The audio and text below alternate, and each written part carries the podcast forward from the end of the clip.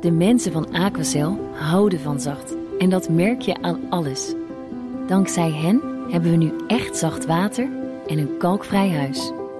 Voor hun klanten zijn ze zacht. Dat zijn ze trouwens ook voor elkaar. Voor ons zijn zij de kracht van zacht. Aquacel. 100% zacht water, 100% kalkvrij. BNR Beurs wordt mede mogelijk gemaakt door Bridge Fund. Make money smile. BNR Nieuwsradio. BNR Beurs.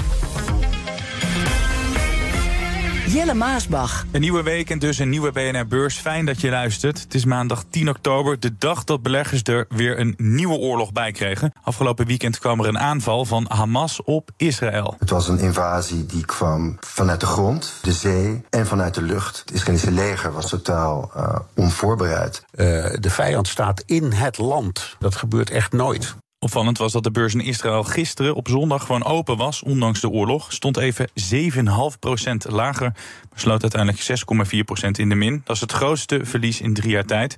En de Centrale Bank van Israël moest voor 30 miljard dollar aan buitenlandse valuta verkopen om de eigen munt te stutten, de shekel. Terug naar de handelsdag van vandaag, hier in Amsterdam. De AX ging 0,1% lager de dag uit op precies 726 punten. Artjen met een verlies van bijna 5% de grootste dalen. En om met mij hier de dag door te nemen, is hier Nico Inberg van de aandeelhouder. En straks hebben we het over de oorlog in Israël. Een tweede oorlog erbij in anderhalf jaar tijd. Gaat dat de komende tijd de handel nog raken? Je hoort het zo. Maar we beginnen met wat jou opviel, Nico. Want ik zei het al, de AX, ja, miniem lager gesloten. Reageerde dus niet heel erg. Maar jij hebt iets meegenomen, nieuws, dat wel werd uh, beïnvloed door de spanningen daar, zou je kunnen zeggen. Nou ja, uh, ik kijk natuurlijk altijd naar de olieprijs op uh, dit soort dagen. Wat, wat, wat dat doet met de olie. Omdat hm. Midden-Oosten is een brandhaard, daar komt de meeste olie vandaan, dus dat heeft impact. Het bijzondere was dat afgelopen week, als, die, als je naar de olieprijs kijkt, die is eigenlijk het laatste half jaar best opgelopen. Is een van de weinige dingen die nog echt hoog staat. Al de rest van de afkomst olieprijs op, opgelopen richting 100 dollar per vat.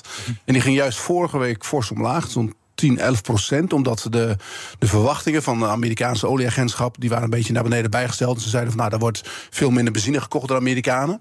Maar door de raffinaderijen eigenlijk te veel hebben ingekocht. Dus die olieprijs die, die lag behoorlijk onder druk. En dan krijg je dit. Dus een beetje de vraag van wat is nu uh, leidend? Is dat de, de, de macro-economische factoren... Ja. die eigenlijk een lagere olieprijs... Uh, ja, zou moeten krijgen. Of, of uh, dit. En dan zie je toch de olieprijs wel omhoog gaat. Maar het was niet extreem. Het was 4, 5 procent hoger. Het, het, hangt een beetje af van hoe het gaat met Iran. Want Iran schijnt erachter te zitten. Dat is wel, nou ja, goed.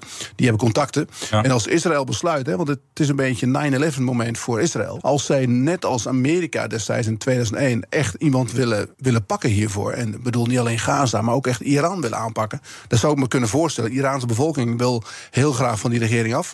Als Israël besluit om, om uh, de top van van Iran uitschakelen, om daar iets mee te doen, ja, dan kan je heel rare dingen zien. Maar het zou uiteindelijk ook, ook goed kunnen zijn, want wordt Iran echt een olie-exporterend land. Niet alleen stiekem zoals nu. En dan, dan komt er meer olie op de markt, als het lukt tenminste. Dan naar eh, de bedenker van de AX, Tjerk eh, Westerterp. Hij is afgelopen weekend overleden, werd vandaag bekend. Hij is 92 geworden. Westerterp was staatssecretaris, minister en hij zat in het Europees Parlement. Maar wij kennen hem natuurlijk vooral als de bedenker van de AX. In maart bestond de index 40 jaar. Zoon Stan Westerterp, hier ook vaak in BNR Beurs, vertelde toen tijdens dat jubileum hoe zijn vader op het idee is gekomen. Hij heeft hem volgens mij, eh, als ik me niet vergis, in de trein op weg naar België of Luxemburg, dat moet, moet ik even schuldig blijven, heeft hij hem bedacht. Het idee is destijds ooit ontstaan omdat uh, mijn vader natuurlijk directeur was van de optiebeurs om een index te creëren waarmee ook handel uh, mogelijk was in opties op een index. Uh, en dat idee is natuurlijk overkomen waaien vanuit Amerika. Destijds hebben ze initieel een index samengesteld, ik meen met twaalf namen daarin, waarvan ook nu nog een aantal bekenden nog steeds in de AIX zitten, zoals Heineken en Shell en Unilever, Philips, dat soort namen. Die is toen van start gegaan in maart 1983 op een stand van 100 in guldens gemeten. En dat was eigenlijk best wel snel een succes, omdat daarmee ook mogelijk werd natuurlijk om dagelijks op een, op een index te handelen. En namens BNR, lieve Stan en familie, gecondoleerd. Ja, een markante man is, is heen gegaan, hè Nico? Hij was heel bijzonder. Hij heeft natuurlijk de, eigenlijk de optiebeurs op de kaart gezet. Ik heb, ik heb zelf danken aan de optiebeurs. Ik heb daar gewerkt uh, van 94 tot 2001. Toen was hij net weg. 93 was het laatste jaar, maar de, de, de geest van Wester was daar natuurlijk. Ja. En hij ging met name de eerste jaren, toen uh, voor mij 1977, 78, toen de optiebeurs begon, ging hij op pad om, om Nederlandse beleggers te overtuigen van de optiehandel. En er was in het begin er was niemand daarin geïnteresseerd. De banken werkten tegen, want het was niet in hun belang. En hij moest echt voor lege zaaltjes moest hij praten om, om, om mensen in opties te krijgen. En, en uh, nou, ze sponsoren bijvoorbeeld Roda. Had paarden geregeld. Daar is je zelfs mee de vloer op geweest met springpaarden. Die heet de optiebeurs. Johan Cruijff had hij aangesteld als adviseur bij Roda. Dus hij, hij, hij, trok alle registers open om maar zoveel mogelijk bekendheid te krijgen. En daar was hij goed in. Ja, en met succes wat hij heeft, uh, heeft neergezet. Ja, een hele amabele man was het. De meest begeerde prijs in Economenland is uitgereikt. Heb ik het natuurlijk over de Nobelprijs Economie. En die gaat dit jaar naar Claudia Golding. Zij krijgt de prijs voor haar werk over vrouwen in de arbeidsmarkt. Kort gezegd deed ze onderzoek naar de loonkloof. En dat is baanbrekend, zegt het Nobelprijscomité. Daar is Lisbeth Staats het helemaal mee eens. Lisbeth is niet alleen de presentator van Daily Move, maar ook auteur van het boek Waarom vrouwen minder werken dan mannen. Ze heeft die prijs gekregen voor haar ontzettend uitgebreide en gedetailleerde onderzoek naar de pay gap, de gender pay gap, de loonkloof tussen mannen en vrouwen. Ze heeft 200 jaar aan data gebruikt en ze toont aan in dat onderzoek dat ook al maakt een land een enorme economische ontwikkeling door, of uh, de economische groei uh, is heel verspoedig, dan maakt dat eigenlijk niet zoveel uit voor de loonkloof. Die blijft bestaan, die wordt daarmee niet kleiner. En dat toont zij heel overtuigend aan. Ja, je hoorde Lisbeth Staats over de Nobelprijs Economie. En het is vandaag het einde van dit. Bol.com. Oh. Bol.com wordt bol. Oh, dat wist ik niet. Nee? Okay. Ze nemen na bijna 25 jaar afscheid ja, ja. van het laatste gedeelte van okay. de naam. Want, zeggen ze Nico, ze hoeven niet langer duidelijk te maken dat het een online winkel is. Volgens de marketingdirecteur noemde klant het al zo. En nu is het officieel. Ja, ik ben er heel blij mee. Want het is heel irritant als je bijvoorbeeld iemand een appje stuurt en je zit bol.com. En dan krijg je, die dan meteen die link in WhatsApp. Hè? Dus ik hoop wel dat ze daar ook mee stoppen. Noemde jij het al bol? Nee, nog niet. Vanaf nu wel. Vanaf nu doen. Hey, serieus, het is uh, onderdeel van Aalt Delhaize. Ja. Zij zouden toen eerst naar de beurs gaan, toen trokken zich terug. Denk jij dat ze binnenkort nog naar de beurs gaan? Um, voor Ahold was het, ja, ze hebben er toen wel over gedacht... omdat ze er een waardering aan wilden, aan wilden hangen. Ook omdat hun eigen aandeel wat achterbleef bij Ahold. Nou, inmiddels is het wel wat veranderd natuurlijk. Het is ook niet meer zo belangrijk voor Ahold, denk ik. En uh, het geld hebben ze niet nodig, dus hangt een beetje van het sentiment af op de beurs. Maar dat is ook niet geweldig, dus ik denk dat ze voorlopig even wachten. Beursavontuur van Lucas Bol zit erop. Bedrijf achter uh, onder meer Bokma, Passoa en Goldstrike. Althans, als het aan concurrent Nolet ligt, biedt 18 euro per aandeel. Dat is dik boven de slotkoers van vrijdag. Die lag op uh, iets meer dan een tientje. Nou, beleggers door dolle, de koers steeg met tientallen procenten. En het is ook een bod waar de CEO zich achter schaart. Allereerst natuurlijk financieel, dus de prijs per aandeel op 18 euro. Nou, dat is uh, een premie van 76% ten opzichte van uh, afgelopen vrijdag. Maar belangrijker ook nog de niet-financiële afspraken. En die richten zich dan met name op de toekomst en met name de lange toekomst... dat we een zelfstandig bedrijf kunnen blijven, dat we in Amsterdam kunnen blijven... dat de merken zich verder kunnen ontwikkelen. Dus het is vanuit sterkte en gezamenlijk willen we de Nederlandse kampioen... in de wereldwijde spirits- en cocktailsmarkt uh, creëren. En als alles lukt, dan vertrekt Lucas Bols acht jaar na de beursgang alweer van het Damrak. Ik zag je een beetje met je hoofd schudden tijdens het kwartje van de Ja, nou ja, die CEO verkoopt al zijn aandelen ook. Dus dat is op zich wel ja. opmerkelijk. Je zou zeggen, hij houdt wat aan, maar ze, ze leveren al hun aandelen in. Op 18 euro is natuurlijk best een mooie prijs. Hè? Niet vergeleken als je kijkt naar het, waar het eh, aandeel vandaan komt. Ze zijn na, naar de beurs gegaan op 1575, het oprichtingsjaar van Bols. En nu heeft de hele tijd op een tientje gestaan. Dus uh, ik zag net toevallig dat iemand, een, een belegger in Nederland... die had 5% gekocht uh, afgelopen zomer. Dus die zal heel blij zijn. Ja. Maar de meeste, maar de rest niet, hè? meeste die er al langer in zitten... ja, 18 euro is wel een knock-out bot, hè, dus daar komt niks meer tussen. Maar uh, ja... Wat zegt het jou dat de topman in één keer zijn hele pakket verkoopt? Ja, 18 euro is natuurlijk een mooie prijs. En ik denk, weet niet hoe oud hij is. Ik denk dat Van Doorn misschien tegen zijn pensioen aanziet... dat hij denkt over twee, drie jaar, ik ga weg of zo. Maar, uh, of, of dat ja, Nolet heeft geëist hè, dat ze alle aandelen krijgen. Dat is natuurlijk wel een signaal naar beleggers toe ook, als, als het management stukken inlevert, dat ze erachter staan en dat iedereen dat, ja. dat gaat doen. In 2015 gingen ze nou aan de beurs, je zei het al. Ja. Sindsdien ging al het gerucht dat Nolet ja. wilde kopen. Waarom hebben ze het dan nu pas gekocht? Of ja, of, ja, ja we weten Ik weet niet, niet waarom of ze. Dat was inderdaad, want die, die aandelenkoers is in 2016 behoorlijk opgelopen nog. Omdat men toen dacht dat ze, ze hadden bij de beursgang wat gekocht. Toen hebben ze het belang overgenomen van, van uh, private equity. Van ABN AMRO hadden ze 18%, hebben ze bijgekocht. Uiteindelijk 30%. Nou, uh, boven de 30 moet je een bod doen. Mhm. Mm -hmm. Maar ze hebben nooit doorgepakt. En, en, en omdat ze het geld niet hadden ja. of nu. En nu hebben ze, hebben ze kennelijk wel de tijd. Dus ze hadden misschien ook het management moeten overtuigen... omdat die er niet achter stonden ja. om samen te gaan. Maar nu eindelijk wel. Voor die man die 5% kocht uh, vorige zomer... was het dus wel een succes te noemen. Ja. Over het algemeen is dit een een belachelijk groot succes geweest of een belachelijk grote mislukking geweest, dat beursavontuur? Nou, het, geen van beide. Je kan wel zeggen dat, dat, kijk, die 18 euro, daar hoor ik echt wel van op. Want het, het aandeel, zolang ik het nu volg, hè, je hoort heel vaak, eh, het, het staat altijd in de overnamelijstjes. En omdat het ook zo logisch is, zit een groot aandeelhouder in met 25, 30 procent. Dus ik denk, ja, die past erbij. Het is, het is hetzelfde bedrijf eigenlijk. Ze doen dezelfde dingen. Dus ja, ja waarom niet? En, eh, maar ze deden het maar steeds niet. En nu komen ze opeens met 18 euro. Wat als je, als je op een tientje staat, is 18 euro is waanzinnig veel geld. Straks de beste aankoop die Nico ooit deed op de beurs. Je kan je het nu bijna niet meer eh, voorstellen, maar het gaat om een eh, verzekeraar. Eén in Oekraïne en nu één in Israël. Binnen anderhalf jaar tijd zijn er niet ver weg twee oorlogen. Die laatste begon zaterdag met de aanval van terroristen van Hamas. En ook vandaag gaan de aanvallen op Israël gewoon door. Twee minuten geleden zijn de, de luchtalarmen bij uh, Jeruzalem afgegaan. En het ziet er nou uit dat Hamas een grote raketsalvo op uh, de heilige stad heeft uh, afgevuurd. Waar de veel mensen nu de schuilkelders in zijn gedoken. Ook in het noorden van Israël, aan de grens met Libanon. Daar hebben de lokale autoriteiten de inwoners van verschillende plaatsen de opdracht gegeven om uh, uit voorzorg in ieder geval naar de bomkelders te gaan. Twee oorlogen tegelijk, Nico. En beleggers die lijken niet heel erg uh, te schrikken. Als we kijken nu naar bijvoorbeeld de AX. Begrijp jij dat? Ja, ik ben niet zo verbaasd over de, de beurs. Ik ben wel verbaasd over de reacties hierop. Omdat nou ja, wat er is gebeurd is dat die Hamas... die hebben dus een, een, een of ander festival. Daar hebben ze eigenlijk heel veel mensen afgeslacht. Ja. En uh, dat lijkt heel erg op de Bataclan in Parijs. Hè, wat, ik weet niet welk jaar dat was, maar een aantal jaren geleden. Uh, en toen was iedereen echt, echt uh, flabbergasted. En nu hoor je echt heel veel op de, op de radio en televisie ook mensen die het opnemen voor, voor Hamas. En die zeggen van, nou ja, dat is, ze hebben er een beetje zelf een beetje naar gemaakt. En dat vind ik best wel eng, dat men zo reageert en niet keihard veroordeelt wat er gebeurt. Want het is gewoon een festival waar onschuldige een mensen. paar duizend mensen, gewoon, gewoon die halve hippies, die waren aan het feesten en die werden ja. gewoon overvallen afgeslacht. Ja. Dus dat is één ding. Op de beurs zelf is. Uh, dit is natuurlijk een conflict wat al heel lang speelt. Wat, wat nu, nu een soort eruptie beleeft, maar wat al heel lang uh, aan de gang is. Dus wat dat betreft niks nieuws, maar wel erger. En uh, dan moet ook, ook bij dat economische belangen van, van, van de Gazastrook zijn nihil. Hè. Daar, daar doen ze in principe, ja, daar komt, komt weinig vandaan.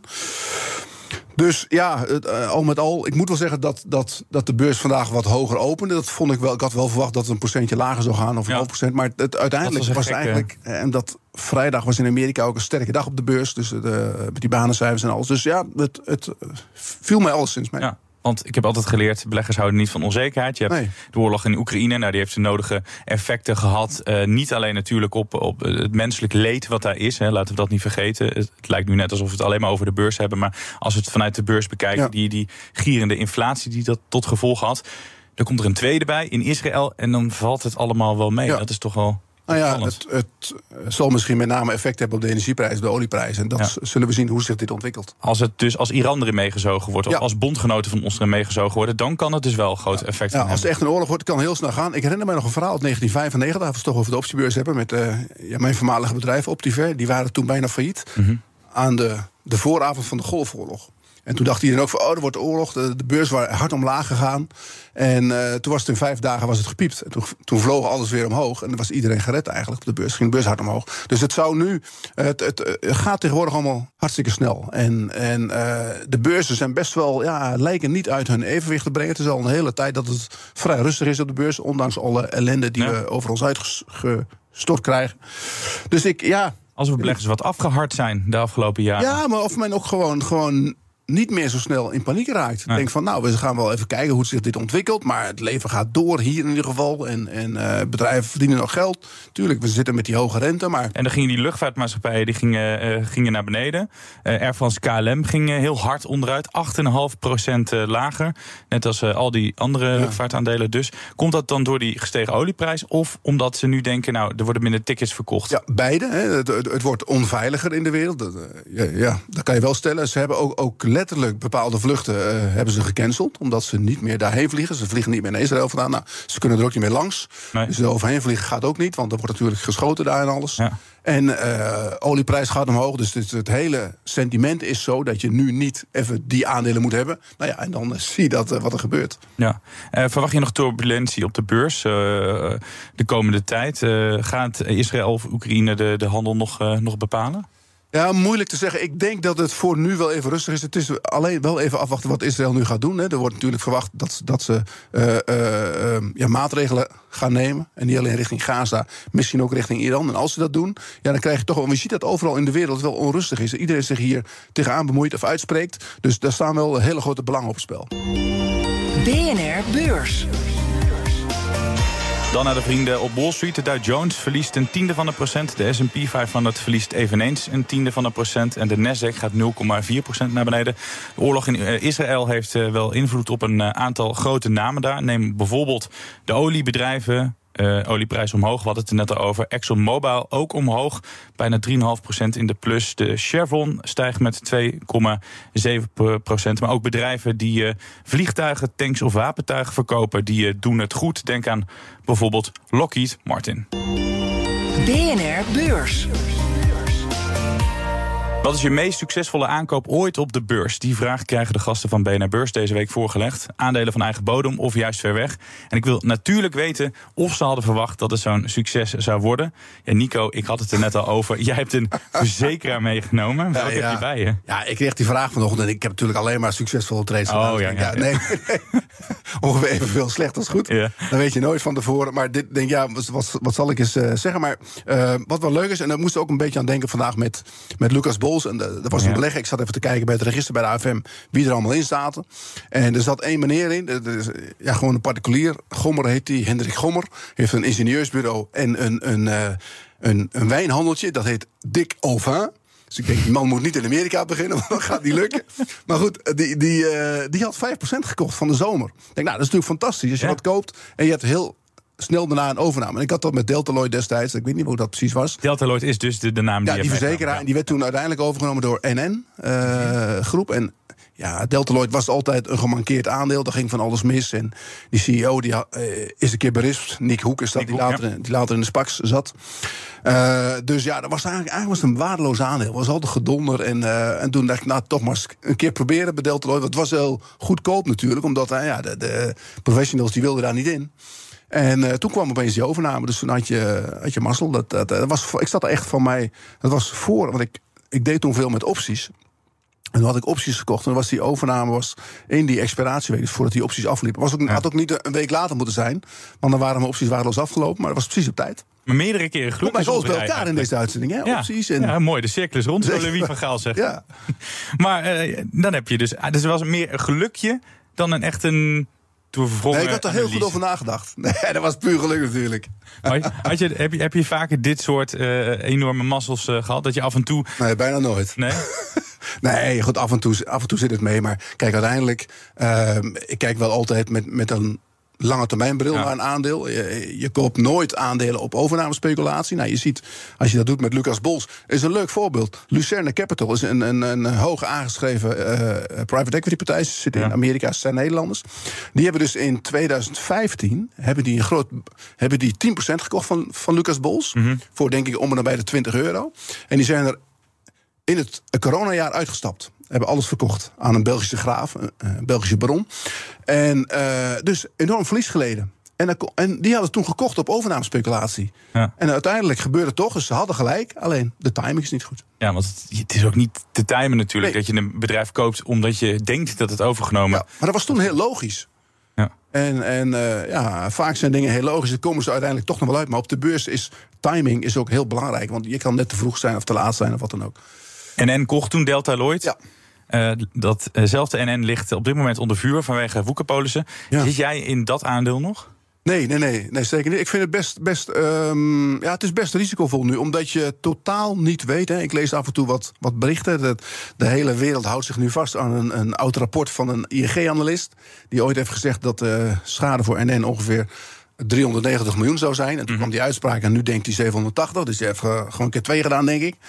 Maar eh, het, is, het is totaal onzeker. Het enige wat we weten is dat eh, NN en ook ASR zijn wel hele degelijke bedrijven. Echt hele goede bedrijven. Vooral ASR ben ik best wel van onder de indruk. Goed geleid. En alleen, dit is iets wat, wat, wat zomaar kan ploffen. Omdat er iets is wat destijds is gebeurd. En er wordt naar gekeken door de, de bril van nu. Ja.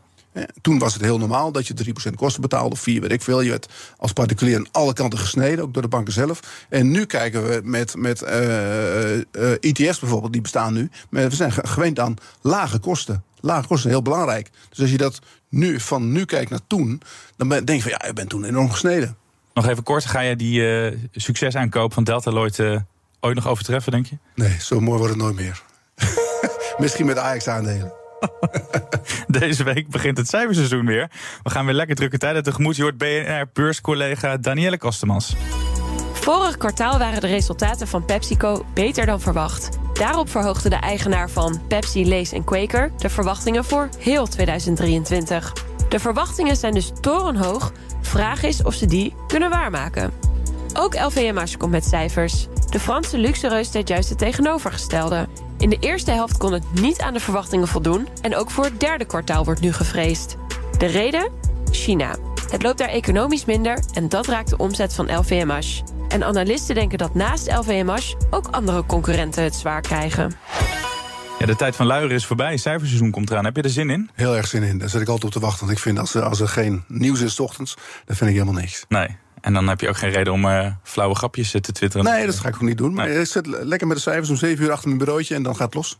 Mooi man. Dit was BNR Beurs van maandag 9 oktober. Een handelsweek met een eh, nieuwe oorlog. Naast Oekraïne nu ook een oorlog in Israël. Het ging ook over het overnamebod op Lucas Bols. Waardoor sommige beleggers dronken van geluk zijn. Ook ging het over de Nobelprijs. En over het ontstaan van de AX. En het orakel die mij hielp, Nico Inberg van de aandeelhouder. Dank dat je er was. En jij bent die ongetwijfeld... hebben het niet over Ajax gehad. Nee, ik heb het proberen te verzwijgen. Jij bent groot Feyenoord-fan, ik Ajax-fan. En jij hebt het veel makkelijker dan ik. Nee, het wordt vanaf nu alleen maar beter. Ik hoop het.